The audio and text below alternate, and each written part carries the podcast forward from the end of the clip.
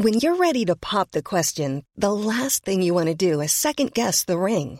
At Bluenile.com, you can design a one of a kind ring with the ease and convenience of shopping online. Choose your diamond and setting. When you find the one, you'll get it delivered right to your door. Go to Bluenile.com and use promo code LISTEN to get $50 off your purchase of $500 or more. That's code LISTEN at Bluenile.com for $50 off your purchase. Bluenile.com code LISTEN. Everyone knows therapy is great for solving problems, but getting therapy has its own problems too, like finding the right therapist, fitting into their schedule, and of course, the cost. Well, BetterHelp can solve those problems. It's totally online and built around your schedule. It's surprisingly affordable too. Connect with a credentialed therapist by phone, video, or online chat, all from the comfort of your home. Visit betterhelp.com to learn more and save 10% on your first month. That's BetterHelp, H E L P. Idag känner vi extra glädje över att ha IKEA som vår sponsor den här veckan. Sommaren börjar göra sig påmind och vi längtar ju efter att få göra i ordning våra uteplatser. Och precis nu i rätt tid så kommer IKEA med sina fantastiska utemöbler och dekorativa lösningar som låter oss skapa en personlig oas i trädgården. Och oavsett om du drömmer om en avkopplande loungehörna eller inbjudande matplats under öppen bar himmel så har IKEA allt som behövs. Och det är underbart att kunna få välja bland olika stilar och material, alla designade för att ge både hög kvalitet och komfort. Jag är speciellt förtjust i Sollerön-serien som är modulära loungemöbler med inbyggd förvaring som förenar stil med bekvämlighet. Den här serien är perfekt för avslappnade sommardagar vare sig du vill ha en mysig soffgrupp på altanen eller en rymlig sittplats för alla dina vänner. Varje sits har praktisk förvaring under, idealisk för att dölja kuddar eller leksaker.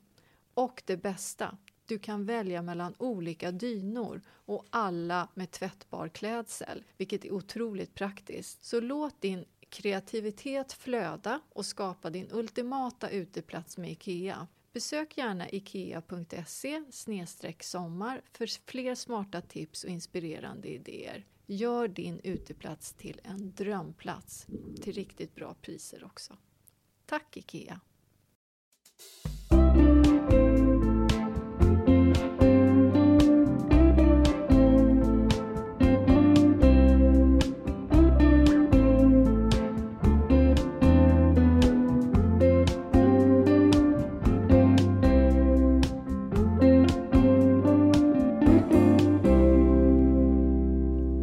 Hälsar vi hjärtligt välkomna till Röda vita rosen-podden avsnitt 122. Hur säger man det på finska? Nej, men det, jag kan inte finska. Du måste lära dig finska till lite senare i den här podden för jag har nämligen ett visst finskt tema. Har du? Ja, Vad? det får vi se. Säger jag med darr på rösten. Den här podden ska nämligen handla om pioner. Vilket inte har med Finland att göra, det är två helt separata delar. Jag tänkte, var, var vill du komma någonstans? Men eh, för, därför att det är dags att, nu att plantera om och plantera pioner. Men mer om det om en liten stund. Vi måste ju som vanligt checka in med eh, samtiden och varandra och våra kära poddlyssnare innan vi drar igång själva ämnet, eller hur? Ja. Du seglade in här och typ tittade på mig. Är jag sen? Bara för att jag var i tid Ja. för en skull. Det brukar alltid vara jag som sitter och väntar. Vad trött du är. så. Vet du vad, Victoria, man får inte säga så. Nej, Det men spelar ingen roll hur trött man Precis ser ut. när jag tittade in så ser jag världens största gäsp. Jag möts av din stora gäsp. Ja. Ja. Jag lurades av min man att vara uppe och, hör och häpna, ända till klockan 12 igår.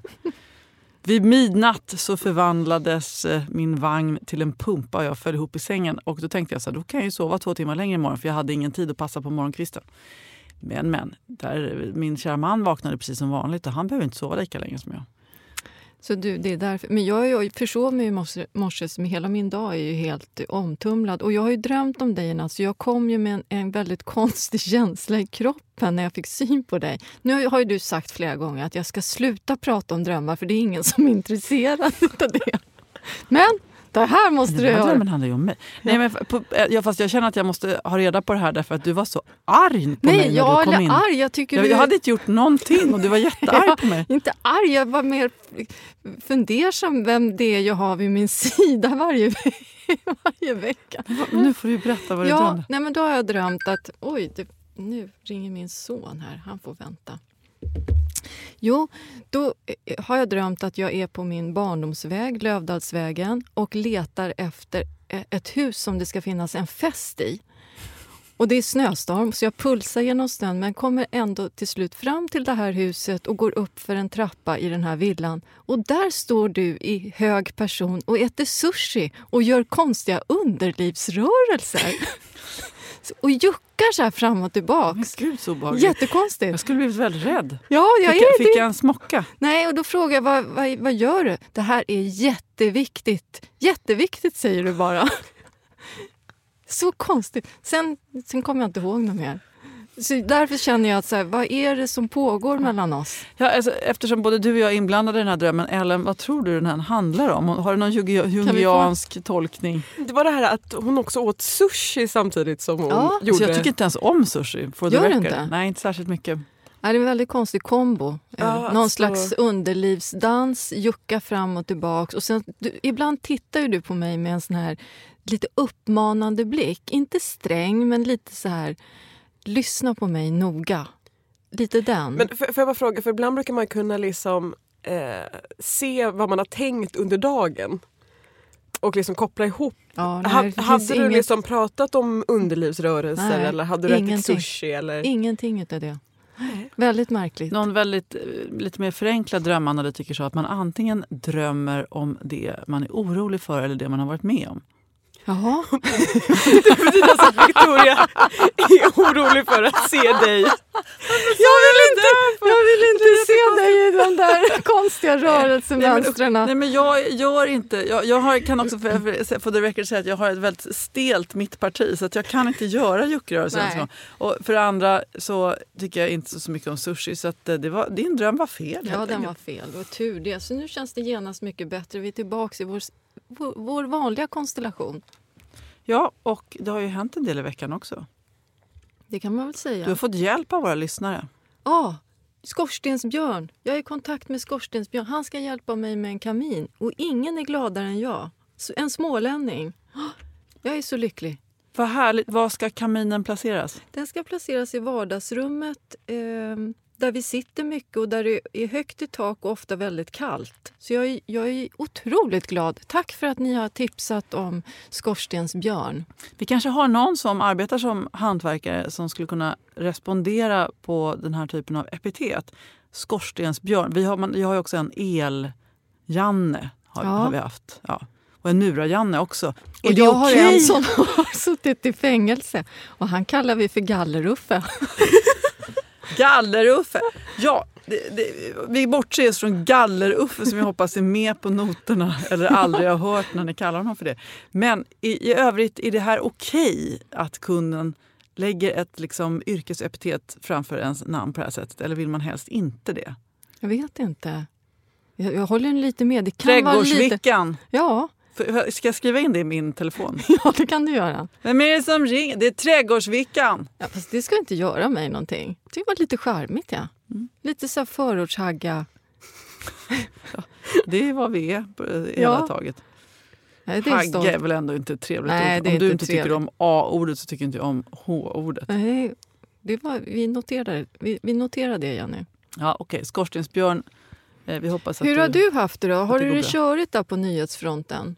Med Ja. tanke på allt som händer. Nej, men jag eh, tycker att det är, vi lever i en väldigt dyster värld just nu där konfliktnivåerna bara höjs hela, hela tiden. Och det hade varit härligt om man kunde se någon ljusning eller om, om, om jag, jag liksom innerst inne om vi kunde känna att man hade någon tilltro till mänskligheten att vi ändå kommer till slut välja det goda. Och det, det har liksom sagts mycket och grunden i det hela är att, att vi måste liksom fördöma terrordåden och människorna som begår dem. Men samtidigt så kan vi inte göra alla till terrorister. Och att man ska, måste ju ta sin egen eller andras liksom, katastrofer och, och livssorger och utsatthet på största allvar. Och samtidigt måste man göra allt i sin makt på något sätt att rikta vreden åt rätt håll. Och för att göra det så måste man tillåta komplikationen. Det, allt är inte så enkelt just nu. Det är ganska krångligt och man måste gå till källorna. Man måste gå till källorna och ta reda på hur det verkligen ligger till i den mån så långt vi kan veta det.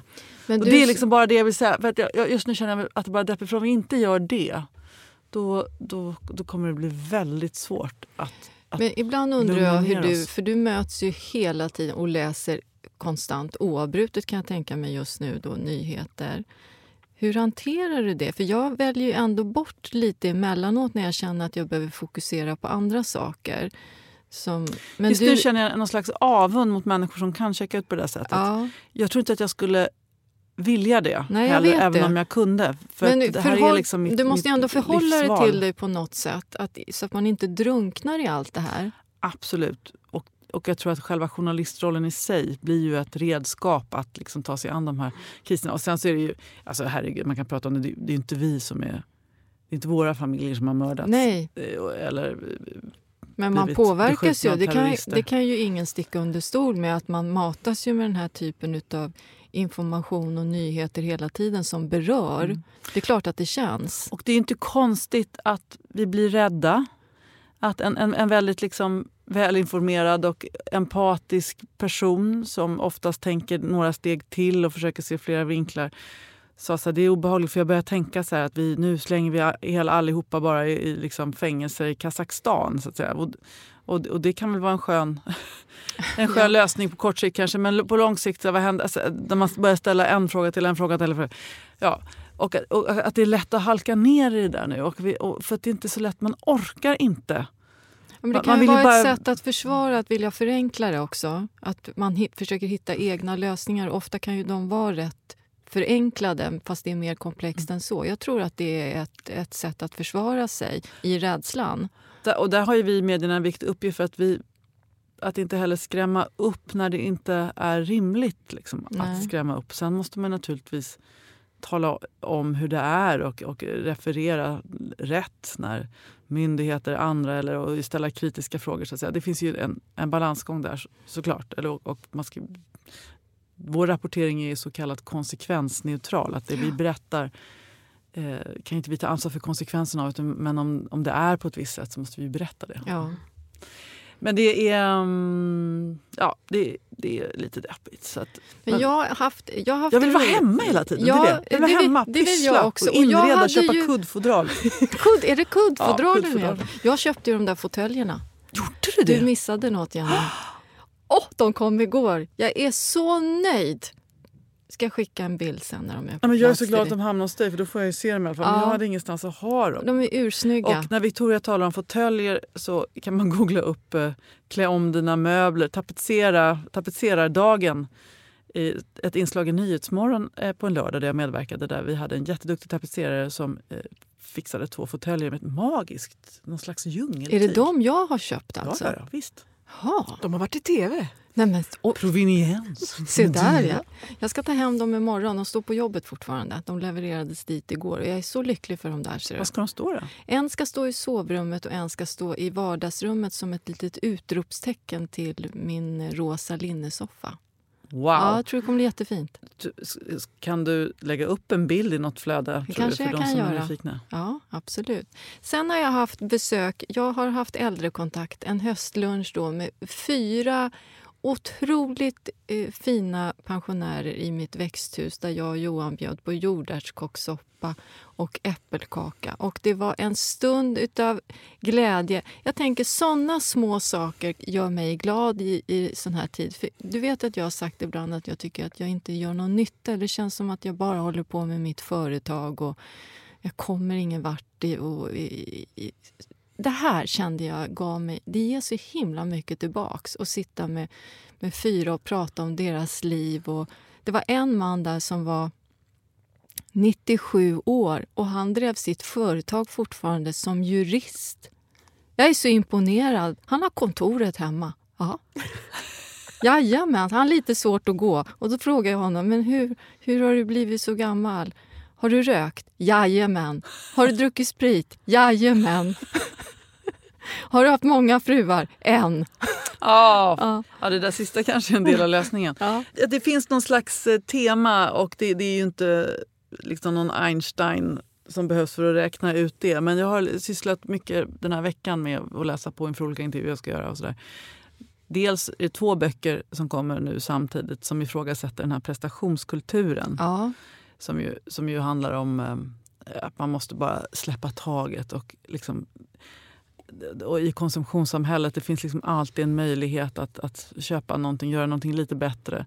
Att bli, prestera lite bättre själv på arbetet. Så att säga. Det finns ett, ett yttre tryck, det finns också ett inre tryck. Eh, Och sen så finns det också att man själv har per, liksom perfektionistiska krav på andra. Då, för att ens egen värld ska fungera. Mm. Eh, jag ska intervjua då en, en, en brittisk psykolog som ifrågasätter det här. Fanny Widman finns en svensk influencer som också har skrivit en bok som heter Skitsamma filosofin som också kommer i dagarna. Som går ut på det. Men då, jag, jag, jag, har ju döttrar som är mycket mer belästa vad jag. Så får man vet att man lever så här totalt omkörd i snabbfilen. Ja. Hon refererade till en polsk psykolog som talade just kring det här eh, som hon håller på att läsa just nu. Om att det är relationerna som är liksom med meningsfulla i våra liv. Det, det Mm. tror jag kanske väldigt många har räknat ut med det där ordet som du inte vill att man ska säga, säga högt redan. Men i dessa tider, precis som du säger när du sitter där i ditt växthus, det är ju det som betyder något. Ja men det är ju det och då kände jag, jag var glad i flera dagar efter vi hade haft den här träffen och vi hade fått skratta mycket och de var så lyckliga. De fick våran bok också, en varsin och då utro, utropade den ena damen, men det är ju hon som är på TV! Vad roligt. Och så tittade jag också på, det finns en finsk regissör som gjorde sin, sin sista film kanske, det, ska man väl aldrig svära på, men eh, någon slags sammanfattande verk, uh, Aki Kaurismäki, Höstlöv som faller heter den, som har fått jättefin kritik. Och den är en, en, en, liksom film av den gamla skolan, den, den är liksom lite upphöjd och, och eh, den, den, den utspelar sig liksom i en tid och ingen tid samtidigt och är en kärlekshistoria mellan Fast den är människor. lite grå va? Ja, men människor som är färggrann i scenografin tror jag. Men liksom ändå, den, är, den handlar liksom om samhällets olycksbarn på något sätt. Men det är en väldigt fin kärlekshistoria. Och, och i den så finns ett väldigt hopp just som också på, på något sätt jag kunde knyta an eftersom jag hade pratat så mycket om dem. Läst så mycket om det här med relationen också. Mm. Att, att det ändå, har man det där så kan man stå ut med ganska mycket dynga runt omkring. Men det som var roligt med det, och nu kommer finskan. Jaha, är vi Ja. där nu äntligen? Ja, för då, det var jättemycket bra musik. Och bland annat så det finns det är allt från gammal liksom, finsk romantisk tango till en, en duo med ett par unga indie-popsystrar som heter då, excuse my finish, Maustettytet. Ja, och, och, och då är det någon recensent som sammanfattar hur de skriver, vad deras låtar handlar om. Det är så här, Vardagsrealism och glamour av rent elände. det var så jäkla bra, den här låten. Och jag var tvungen, nu har jag bara kört en Google Translate på, Mm. på, på texten, men då är det så här. Mögligt kaffe i pannan och ett fat på golvet. Regnet tvättar fönstren, du behöver inte tvätta dem själv. Det finns inget som hindrar dig från att gå, men jag är som gjuten i betong upp till knäna. En osynlig last på tusen kilo på ryggen. Även om det bara fanns ett hinder kvar framför mig så vet jag inte om jag kan ta mig till graven. Oj. Jag gillar dig, men jag orkar inte med mig själv. Alltså, ja. Men alltså, nu, jag tycker vi lyssnar lite på den här låten bara. mm, det måste vi göra. Take it away. Man kan stuffa till om man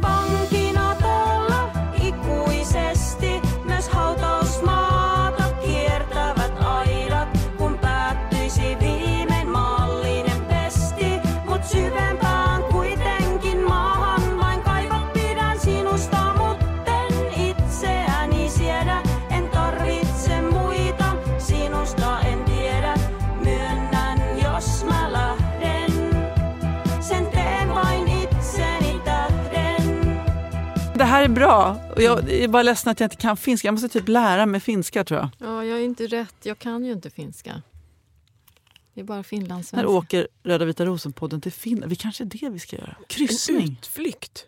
Ja, Alltså båt är inte min grej. Nej, inte, Inte min heller. Nej, inte efter att kan vi flyga över? Fast det är inte så bra det heller. Vi simmar. Ja. Jag tror att det börjar bli dags att ta sig an själva ämnet för den här podden. Pioner, det känns ju lite som att tiden är ur led. Mm, det Eftersom det, är i juni som de här praktverken, och det är ju, det är ju en av de- den bästa tiden, men ack så kortvarig och flyktig. Åtminstone för oss som har planterat pionerna mitt i solen. Mm. Ja. Men, men du tycker att det är viktigt att prata om detta nu. Varför Ja, då? därför att jag vet att eh, jag följer ju Eh, Svenska pionsällskapet, de här riktiga proffsen när det gäller pioner. Och de planterar alltid sina pioner på hösten. Och eh, jag vet ju att det är svårt att få de flesta att eh, vilja odla och bruka jorden under den här lite mörkare årstiden. Men som sagt, det, pioner mår bäst av höstplantering när de är i vila. Och då vet jag att många bor högt upp i landet och tänker att det går inte via tjäle. Men då kan man göra så att har ni inte tjäle nu så kan ni gräva en grop och förbereda. Så när pionerna börjar eh, komma till försäljning i, i handelsträdgårdarna så kan man eh, köpa eller beställa och sätta nu. Och så kan man täcka över dem ordentligt med någon gammal trasmatta. Att de finns rö- inte nu, men det kommer om några veckor? eller? Ja, för att de, de grävs inte upp och eh, börjar säljas förrän sent på hösten för de måste vara riktigt i vila. Så det är därför det är så, så sent. Men när man, när man tittar nu på, på, på hur proffsen gör så ser man ju att det är ett helt annat eh, eh, etableringsförfarande. Alltså de etablerar sig mycket, mycket bättre om man sätter dem på hösten. Varför, varför har jag alltid planterat alla mina pioner på sommaren då? Jag tror att det kan vara okunskap. Att Det, det, det, kan, det kan jag skriva under på. jag, jag märkte att jag sa det lite försiktigt. Men sen tror jag också, de flesta lägger det här trädgårdsarbetet lite på hyllan så här års. Vi är ju, vi är i oktober. Man är, man är inte sugen på att gå ut helt enkelt. Men när det gäller pioner så tycker jag att ni ska utforska sortimentet och kanske lägga lite tid på att eh, sätta pionerna på hösten. För det är ofta nu också så det finns ett ganska roligt fint sortiment ute i, hos handlarna. Ska vi då gå igenom steg för steg hur man gör för att eh, plantera pionerna nu Mm. på allra bästa sätt? Ja, eh, och då får man engagera sig i att gräva en ganska stor grop. Den ska vara minst 40 centimeter i diameter och lika djup. Och eh, då fyller man den här gropen i botten med kogödsel. Och så vattnar man på och sen fyller man på med planteringsjord för rötterna vill inte komma i kontakt med kogödseln. Det kan bli alldeles för starkt. Så att sen gör man som en liten kulle eh, i botten på den här planteringsgropen. Och där lägger man pionen. Och sen fyller man på med jord eh, vartefter man vattnar. Men sen ska pionen då inte hamna för djupt ner för då, kan den, då uteblir blomningen. Men den får inte heller hamna för grunt för då kan de Jag här... vet, det är det här som är läskigt. Ja, Vi jag hade, jag vet. kommer ihåg att vi hade en fråga från Karina Berg Ja, som inte hade fått upp sina pioner som hon hade flyttat för att hon förmodligen hade planterat dem för djupt. det, är- så kan det vara. För att då, därför att knopparna behöver nämligen få solljus för att kicka igång på våren. Och ligger den då för långt ner under jorden, då händer ingenting.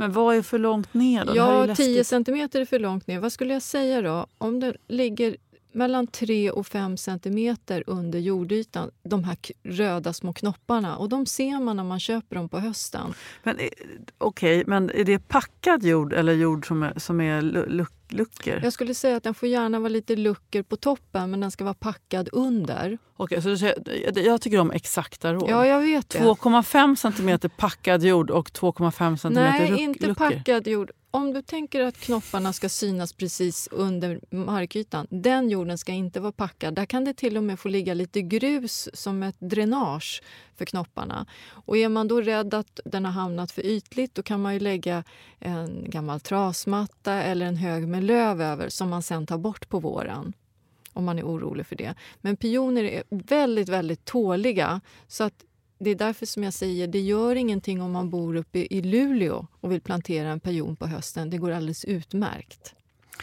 Brukar inte rådjuren vara sugna på de här Nej, rötterna? de äter inte. Nej, nej, nej. Det är det som är så bra med, med pioner. De är ju rådjurssäkra. jag skulle nog till och med kunna säga att hjortarna och älgarna låter bli dem. Men jag låter det vara lite sådär luftigt i det svaret. Om du nu sätter en rabatt med pioner, hur stort avstånd planterar de på? Ja, här är då som jag tror många kanske gör fel, eller fel och fel. Man sätter dem alldeles för kort. Lämna från mitten utav pionen så lämnar du en meter till nästa om man ska plantera flera stycken. För en pion får ett ganska stort rotsystem och blir ganska snabbt en stor eh, örtartad buske. Så att lämna gott om plats, för annars så kan det vara så att man behöver på nytt sen gräva upp och, och flytta på dem. Så lämna en meter Tjong här. Så visst. Mellan varje. Hur många gånger kan man plantera om en pion? Jag frågar åt en kompis. Ja, hur många gånger som helst, bara man gör rätt. Men man gräver upp dem när bladverket har vissnat och den är helt i vila. Och det sker ju ganska sent på säsongen. Sen är det ju så, jag har ju en buskpion som heter Rocky. Som är, det är min praktpjäs i trädgården. Den står under en häggmispel så att den får halva dagen sol och halva dagen skugga. Den mår alldeles utmärkt utav det.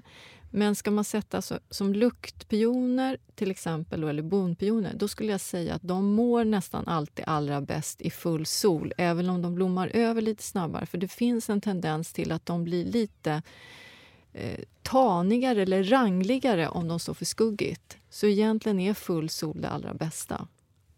Ja, det gäller att pla- planera sin tid så man kan stå och glo tillräckligt länge på de här pionerna innan de Ja, blommar jag över. vet. Men pioner är, tycker jag, ändå en ganska lättodlad växt. Och man får... ehm, jag tycker man får ändå, även om den blommar kort tid, så är utdelningen fantastisk eh, när de blommar. Det finns ju så, så många fina sorter. Jag har bland annat en som heter en enkel som heter White Wings som blommar med knallgula pistiller och så, så svävar den tillsammans med svartblå irisar. Oj, oj, oj, vad fint. Förlåt, jag råkade gäspa en gång till. Ja, jag ser det. Det är min mans fel. Ja. Och inte av rätt Visst är det anledning. skönt? när man är själv? Ja, varför jag inte har sovit är ju ditt juckande. Nej, men, Ja, jag tycker det här är jobbigt. ja det är ett påhopp, Ja. men den, den, det var ändå det som pågick i natt. ja, ja. Ja, Vi går vidare. Ja. Du, ehm, det här med pionerna då. Det handlar om att jorden måste också omsluta rötterna. Vad menar du med det? ja eh, det är för att de rotar sig mycket snabbare och när man planterar pioner så är det bra om man kan lägga den lite på sniskan för då har rötterna, då har den mycket lättare för att, att eh, bilda sugrötter. Så lägg den inte helt plant utan låt de här små knopparna ligga lite på sniskan upp eh, strax under jordytan. Det mår pionen allra bäst av. För pioner hatar att stå där det är blött och där vattnet samlas på våren utan de trivs bäst i lite väldränerat eh, läge. Mycket bra. Jag, jag tycker mycket om pioner. Jag eh, brukar också njuta av andras pioner. Det kan också Ja. vara en, en bra sak om man inte lyckas lika bra själv varje sommar när det till exempel är torka och så vidare. Men vi har ju pratat tidigare om Hammartorp uppe Ja. i Norrtäljetrakten. Ja, precis. De har ju över tusen planter där. Mm. Och man kan komma och titta på vissa tider som de har öppet i Och visningsträdgården. jag skulle nog säga att pionerna kanske håller på att bli lite mer en trendblomma än vad det har varit tidigare. Jag märker att fler och fler upptäcker och jag ser ju framförallt att det är en yngre generation, de som odlar väldigt mycket snittblommor. De har ju börjat odla som inte bara har dahlior och zinnier utan de har också börjat odla pioner. Även om det är en relativt kort blomningstid så är de ju fantastiska att ta in i vas. Och många har ju... Och bladverket är ju fint att ta, men mitt, bladverket på mina pioner brukar liksom bli väldigt svartfläckiga. Jag tror att det är på grund av torkan. Men vad är de angripna av? Det har jag inte riktigt Jag tror att det kan vara gråmögel och vi har en fråga om det som kommer lite senare. Så- Så det var bra att du tog upp den för jag tror att det är ganska vanligt eh, att många har drabbats av det. Ja, vi kan ju ta den frågan faktiskt. Och det, den kommer ifrån Anna i zon 1. Varför ruttnar mina pioner på bladskaften och börjar sloka? Det är andra året det händer och jag blir så besviken då jag längtat efter att få plocka in blommande pionbuketter. Ja, och jag förmodar, jag gissar i alla fall att det är det här som den är drabbad av. Det heter piongråmögel eller botrytis. Och det blir oftast värre om våren har varit kall och eh, fuktig. Eh, och då är det oftast pionens skälkar vid markytan. Men den kan också vara så att det, det går upp även mot blomknoppen. Och eh, de här svampsporerna, botrytissporerna, de finns naturligt i jorden och angriper oftast de döda växtdelarna. Men är då vädret tillfredsställande så kan de börja angripa den, den friska pionen också. Så att eh, jag tror att... eh, Jag tycker ganska ofta att jag får höra att den, det är de här fläckarna och att de vissnar. Så det är inte helt ovanligt eh, problem när Det det går det att bli av med det där eller är det Ja. kört? Nej, det är absolut inte kört. Däremot så kan man bli, som hon skriver, då, väldigt besviken för just det året så kanske det inte blir några blommor för att hela växten har blivit angripen. Men det man kan göra är att man klipper bort då den här drabbade stjälken. Och viktigt är att man rengör kniven ordentligt med rödsprit. Och eh, sen så ska man inte ha marktäckare eh, eller andra växtdelar runt pionen därför att de kan medverka till att eh, binda fukt som då gynnar den här mögel eh, svampen. Så att, eh, viktigt är att det är luftigt kring den plantan som är drabbad.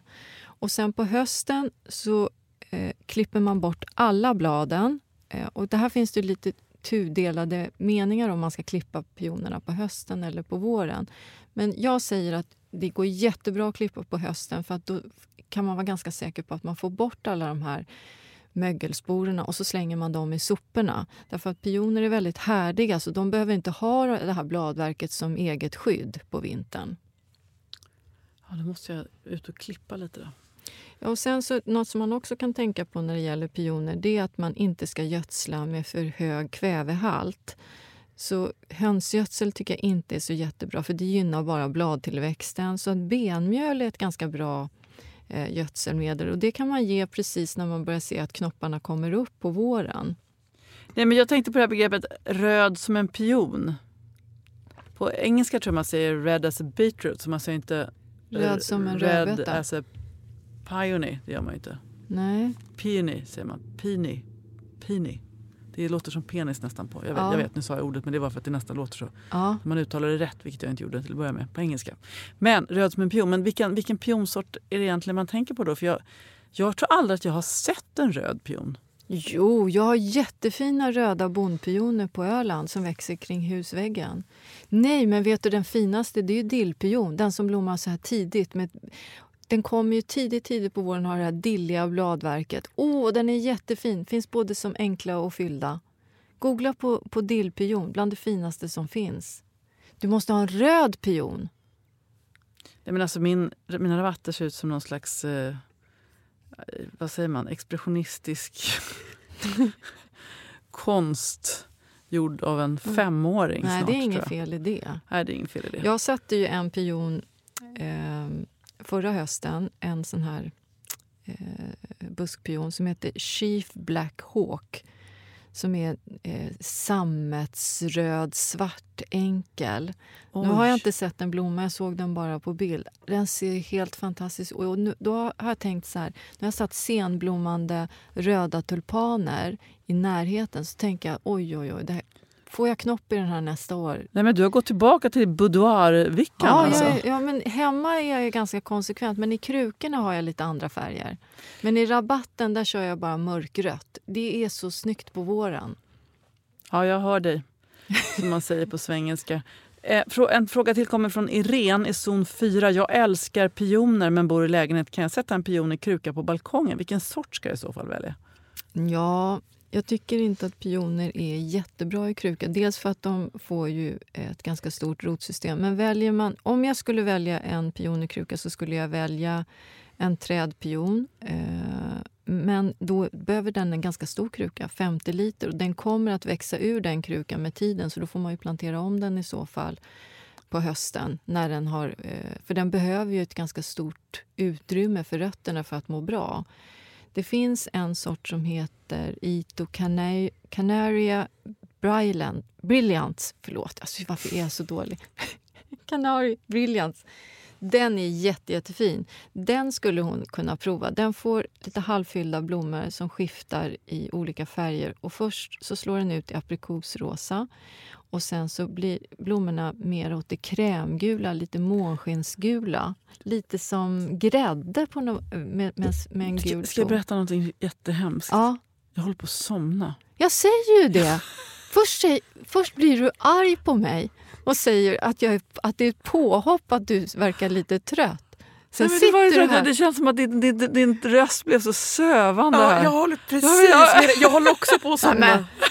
var det, vilket, vad taskigt! Här försöker jag inspirera till pioner och ni håller på att somna. Men det du här ska var ta ju, det här som en, som en komplimang. det Jag här var ett kanonspecialavsnitt alltså. Jag kände också att Nej. nu tror jag att Jenny håller på att somna för Nej. jag känner själv att jag har lite svårt att hålla uppe ögonen. Nej, vi måste ha lite finsk indiepop igen. På min finsk indiepop.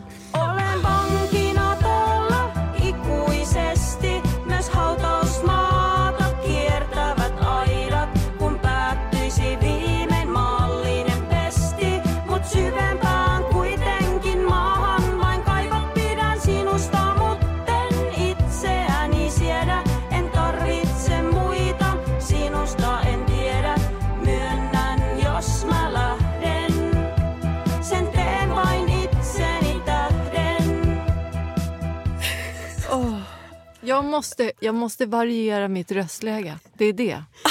Nej, men det, var det, det är med pionerna. Och som att det har pågått så länge. Det var så länge. Vadå länge? Det här är jätteintressant. Ja, men jag älskar pioner, jag vet inte vad som händer. Du, ska, du kommer aldrig att få en pionbukett utav mig. Nej, men jag älskar pioner. Pioner jag kan säga, pioner är det som fick mig att börja med trädgård för jag hade ett torpställe Ja, och jag började med, Ja, med gamla bondpionerna. Men jag nu? orkade inte med pionerna idag kände jag. Jag blev trött på pionerna. Det kändes som att vi aldrig har pratat om någonting så länge som om pioner. Det är mitt favoritämne förutom lök. Det här ska man hålla käften, det hör jag det. Nej men vi kan gå vid- vi, nu går vi vidare. Så, nu tar vi trädgårdsmästarens kalender. Vad ska vi göra? Som vi ska sätta med- pioner. Ja, det har jag skrivit också. Ja, nej men alltså, eh, va, va, men jag vet inte riktigt heller vad som skulle kunna vara alternativet till pioner som, som skulle kunna liva upp stämningen just nu. Eh, Jag tror att du, du behöver något uppåt-tjack. Jag tror att jag skulle prata En om kopp kaffe kanske? Ja, varsågod. Jag, jag skulle prata om olika Så går jag ut bakelser. och kokar lite kaffe under tiden du briljerar. Ja, jag skulle vilja att vi alla bara som en liten pausunderhållning här. Och då vill jag uppmana också er där, där eh, hemma och eh, gå in på vår Facebook-sida och berätta vilka är era topp tre bästa bakverk. Ja, Eh, och då skulle jag vilja sätta napoleonbakelsen överst. Sen kommer faktiskt, och det här kommer folk tycka att det är osmakligt och lite ja, artificiellt. Men bananmakelse är inte så dumt. det vet jag inte ens vad det är. Nej, det är en petit choux med en, lite, inte så mycket, med lite grädde i mitten. Sen är det en lätt liksom, banansmakad glasyr ovanpå och lite spritsad choklad. Nej, det låter verkligen inte gott. Nej, det är väldigt gott. Och på plats nummer tre så håller jag då nu på och väljer mellan prinsesstårta. Men då ska det vara prinsesstårta med mycket grädde, inte för mycket kaka och ganska tunn marsipan. Jag tar det. Jaha. Ska jag lista nu också? Ja. Eh, Då tar jag Budapest. Aha, med mandarinklyftor. Absolut mandarin. Ja. Eh, sen nummer två, eh, prinsess. Nummer tre... Ja, men någon sån här chokladmousse. Mörk chokladmousse-bakelse. Helst med någon liten så glasyr på. Chokladglasyr Ja, en på. fransk chokladtårta. Med hallon. Ja, oj, Där Där har vi det. glömde jag. Mm. Ellen? Jag tittar inte på mig. Jag har eh, nog kanske aldrig i hela mitt liv ätit en bakelse. Va? Va? Jag tycker inte om. Nej, men, är Tårtor du, och nej, men nu bakelser. får du ta... Ska och- vi omvända dig? Ja. Det här, Nästa. vi kommer bli som eh, pingstvänner mot homosexuella. Jag vill ju alltid ha salt. Jag vill ju alltid att det ska vara salt. Jag gillar inte saker som är söta. Jaha, ja. Okej. Tyvärr. Vi, vi fortsätter ändå med Trädgårdsmästarens kalender och konstaterar nu att vi har vaknat till liv lite grann av det här sockerpratet. Och eh, vi, vi är glada över att höra att det är tid att sätta pioner. Ja. Ja. Och så ska vi fynda också, eller hur? Mm, det tycker jag. Det finns mycket att fynda nu i handelsträdgårdarna. Ut och fynda och fortsätt att plantera. Bli tokig när man bara stänger ner sin, sin trädgård alldeles för tidigt. Av kommersiella eller konstnärliga skäl. Ja, både och. Eh, det som, något som jag också vill tipsa om som jag tycker är bra det är att man, eh, ni som håller på med bokashin lämna plats i, i rabatt rabatter i pallkragar. Gräv gropar som ni kan eh, hälla ner bokashin i under Men, måste jag vintern. bara ställa frågan. Har människor i gemen liksom fri jordyta i sina rabatter? Kanske inte så många, men det finns ganska många ställen. Det kan vara i krukor, det kan vara i växthuset, det kan vara i pallkragar. Definitivt finns det. Tömmer inte människor i gemen sina krukor så här sent på året? det. Jag tror att många börjar tömma nu och så står de tomma där rakt upp och ner. Ner med bokashin där och så lite löv och jord så har man världens finaste, finaste kompost på våren. Ah, du tänker så. Jajamensan. Bra, bra, bra. bra. Ja, och så samlar vi löv.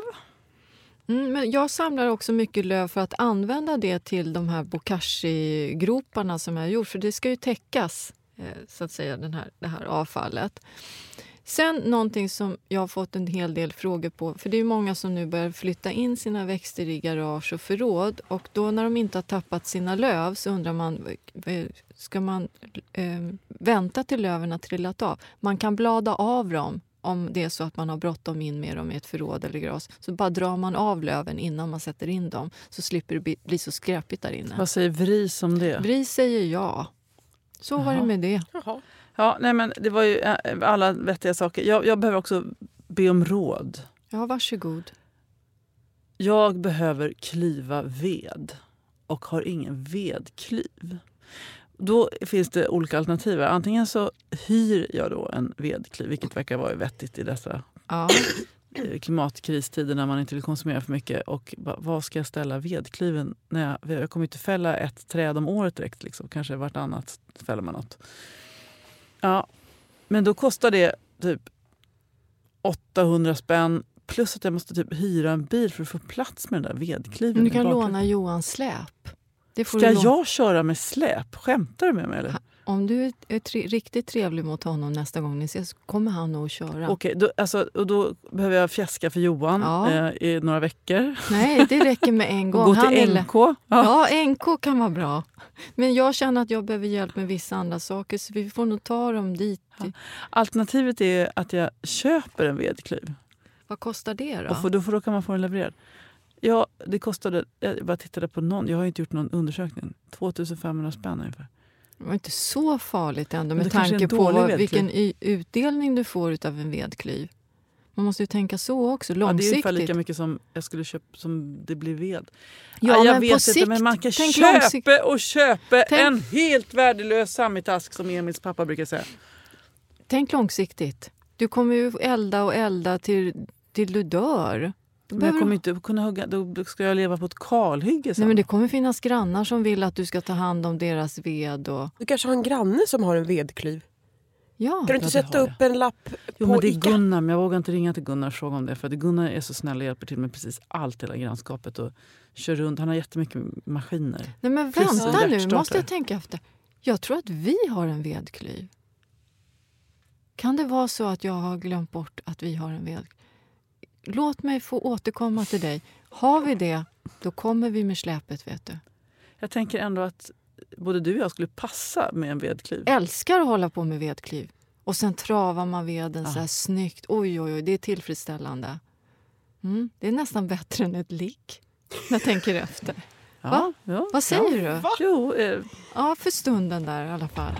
Ser... Istället för det här ligget att sova på. Älskling, jag ska bara gå ut och klyva Ja. lite ved. Ja, det, det, här, det här avsnittet, det här klipps bort. Jag, jag känner att jag, jag, jag vill tacka alla lyssnare som har hängt med hela vägen hit. faktiskt. Tack! Och förlåt. Och Victoria, tack för din djupa kunskap om pioner. På riktigt, det var verkligen inte på grund av dig som Jag tappade känner mig inte tråden. riktigt klar, men jag kan ju göra ett eget avsnitt Jo, jo. sen. Jag har mer, jag har mer att säga, men det, nu är Hon tiden har mer slut. pion i sig! Vad är det här för dag? Vad är det för är det för fel på dåligt världen? avsnitt? Jag orkar inte. Åh, det är tur att vi befinner oss i den tillsammans. Kära eh, röda vita rosor. Ta hand om er ordentligt. Värna era nära och kära relationer. Och så tar vi ett steg i taget så ska vi nog se att vi kommer fram till slut. Eller vad tror ni? Och ät mycket bakelser. Det blir man glad av. Tack för idag. Budapestrulle, Alltså. Vad sa hon? Budapestrulle. Ja, Budapestrulle. Buda, Budapestrulle. Oscar den andre tårta är inte så dumt det heller. Nej, det är gott. Jag tycker om Oscar den andra, ja. ja, okej. Tack för idag. Tack för idag. Hej då. Hej då.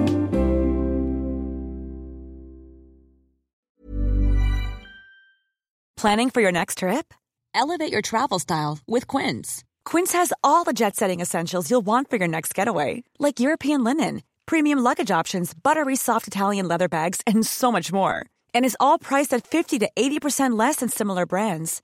Plus, Quince only works with factories that use safe and ethical manufacturing practices. Pack your bags with high-quality essentials you'll be wearing for vacations to come with Quince. Go to quince.com slash pack for free shipping and 365-day returns. This message comes from BOF sponsor eBay. You'll know real when you get it. It'll say eBay Authenticity Guarantee. And you'll feel it. Maybe it's a head turning handbag, a watch that says it all, jewelry that makes you look like the gem, or sneakers and streetwear so fresh every step feels fly. eBay gets it. So look for the blue check mark next to that thing you love and be confident that every inch, stitch, sole, and logo is checked by experts. With eBay Authenticity Guarantee, you can trust that feeling of real is always in reach. Ensure your next purchase is the real deal. Visit eBay.com for terms.